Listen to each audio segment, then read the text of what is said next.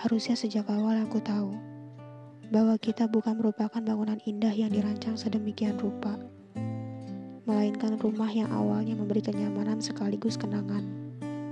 Kenangan yang selalu hadir seiring dengan frekuensi berjalannya waktu. Sakit, tapi kamu gak pernah tahu itu. Karena memang dari awal, rumah itu dibangun bukan untuk kita. Dan kamu pun sebenarnya juga gak benar-benar ada di sana. Rumah itu hanya berisi perabotan antik layaknya harapan manis yang kamu berikan.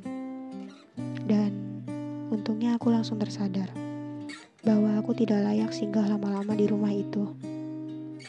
Rumahnya mungkin sekarang masih utuh dan kokoh. Tetapi ada yang berbeda. Aku sudah tidak ada di sana.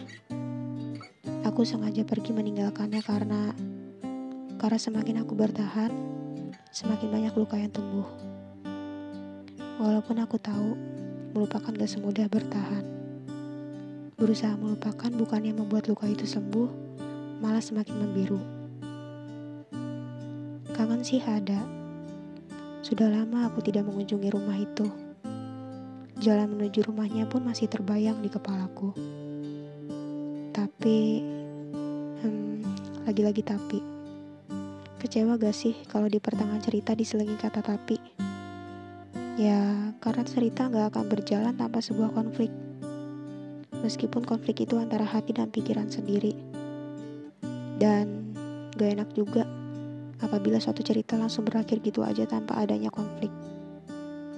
Karena pelajaran terbaik yang dapat dipetik dari sebuah cerita ditemukan dalam serangkaian proses konflik yang membawa perubahan dalam diri kita. Sekarang balik lagi ke kata tapi. Ya, sudah lama aku tidak berkunjung ke sana. Padahal sampai sekarang rute jalannya masih kuingat.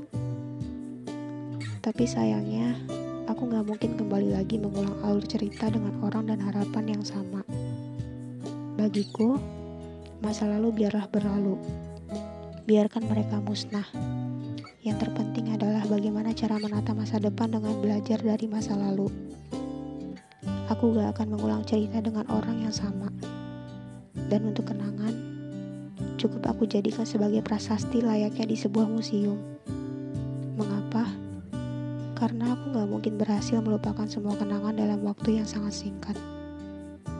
Dan aku juga gak mungkin memusnahkan kenangan yang sudah kau persiapkan baik-baik untukku. Lagi-lagi karena aku bukan kamu. Yang mudah memberi harapan lalu meninggalkan. Andai kamu tahu itu. Andai kamu tahu seberapa keras perjuanganku untuk pergi dari bayang-bayang dirimu.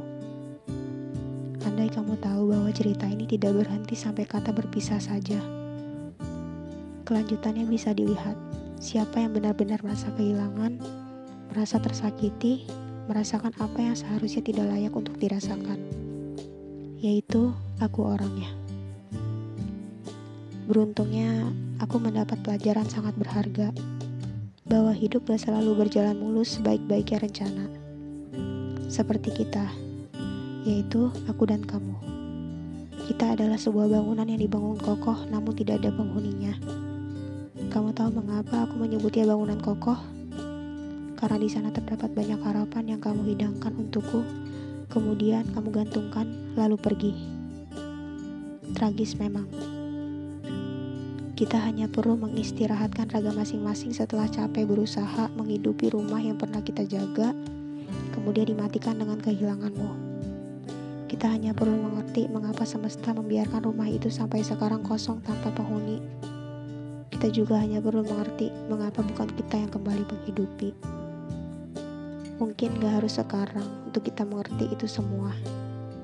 Tapi aku yakin, suatu saat nanti aku dan kamu akan mengerti.